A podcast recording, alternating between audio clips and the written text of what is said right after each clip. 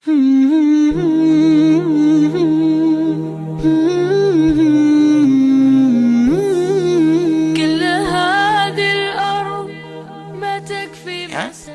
kalau kemudian mendapatkan momentum untuk tobat, gampang atau tidak gampang? Gampang Pak. Gampang. Kadang-kadang kita duduk melihat video salah satu ustadz yang kemudian ternyata mungkin ustadznya saat itu menyampaikan tulus dari hatinya nembus langsung ke hati kita. Momentum untuk bertobat itu banyak. Tapi menjaga momentum tobat sampai meninggal dunia itu ternyata tidak gampang. Karena ternyata apa? Belum tentu orang yang bertobat itu istiqamah dalam tobatnya dan berapa banyak orang yang berdusta dalam tobatnya. Ya, makanya Masya Allah itulah kenapa hikmahnya. Kita ini diperintahkan datang ke kajian, diperintahkan ketemu orang yang soli, diperintahkan untuk berkumpul dan kemudian kita untuk beribadah yang sunnah. Itu intinya supaya kita terjaga hangatnya kita ketika bertobat sampai kita meninggal dunia istiqomah atas itu. Dan saya ingatkan loh, kalau sudah bertobat itu tidak usah ngomong-ngomong deh Alhamdulillah saya sudah hijrah, tidak usah. Kenapa saya tidak kemudian menyarankan itu? Karena saya khawatir bahwasanya ketika kita hijrah banyak ngomong-ngomong ke tempat orang lain, saya khawatir ada penumpang gelap di dalam hati kita yang bernama riak dengan sumah tanpa kita sadari, lalu kemudian merusak perjalanan hijrah kita, kita kembali ke mana Allah. Kalau sudah hijrah, sudah antara kita sama Allah. Tidak perlu kemudian kita sering ngomong, Alhamdulillah sekarang saya sudah hijrah gitu. Tidak usah lah. Tapi kalau ada yang ngomong kayak gitu jangan kemudian dikatakan wah riak kamu, tidak usah gitu juga. Ya.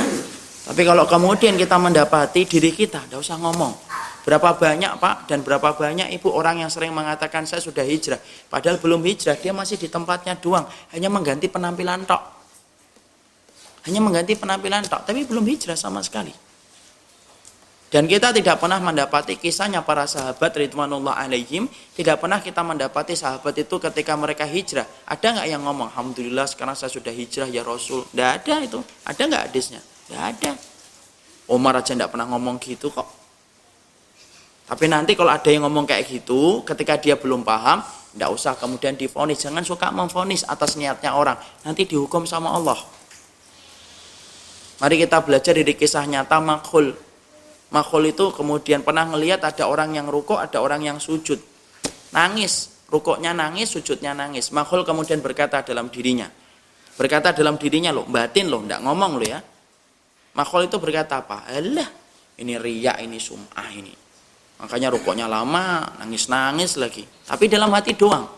Lihat, Allah kemudian langsung apa? Langsung kemudian makhluk berkata, setelah itu berprasangka yang semacam itu, Allah menghukum saya. Selama satu bulan saya tidak bisa menangis. Walaupun aku paksakan untuk meneteskan air mata, ketika Allah menghukumku, ketika aku memberanikan diri untuk menghakimi dan memfonis niatnya seseorang. Hati-hati tentang masalah itu.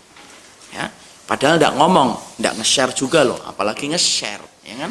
Oh ini cuma batin dalam hati doang. Ini nggak nge-share ini. Hanya batin. Makanya orang yang hari ini Masya Allah saya ingatkan. Orang yang hari ini sibuk dengan perkataan manusia. Hati-hati loh dihukum sama Allah antum. Apa yang terjadi? Antum akan disibukkan dengan perkataan manusia dan tidak pernah sibuk dengan perkataan Allah dan Rasulnya. Hafalannya nggak nambah-nambah, tapi sibuk ngomongin orang. Hafalan hadisnya masih inamal a'malu biniyat, terus nggak nambah-nambah.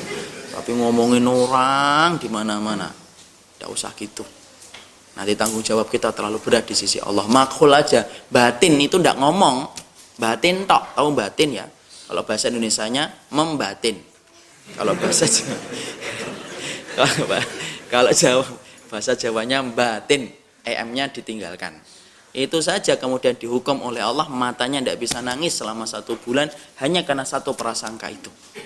Nah di situlah kita paham. Hati-hati tentang masalah menghakimi dan memfonis niat seseorang. Makanya kalau kita ngelihat ada saudara kita pasang status at majelis ilmu, ya jangan katakan Allah ria ini, tidak usah. Walaupun lebih baik bagi kita menyembunyikan ah, amal, ya antum yang sudah paham, tidak usah cerita-cerita amal lah. Mau kita beribadah itu kita rahasiakan, karena di dalam ibadah eksklusif, di dalam muamalah inklusif, itu yang benar. Kalau kita ibadah eksklusif, tidak perlu orang lain tahu, dan tidak perlu kita tahu.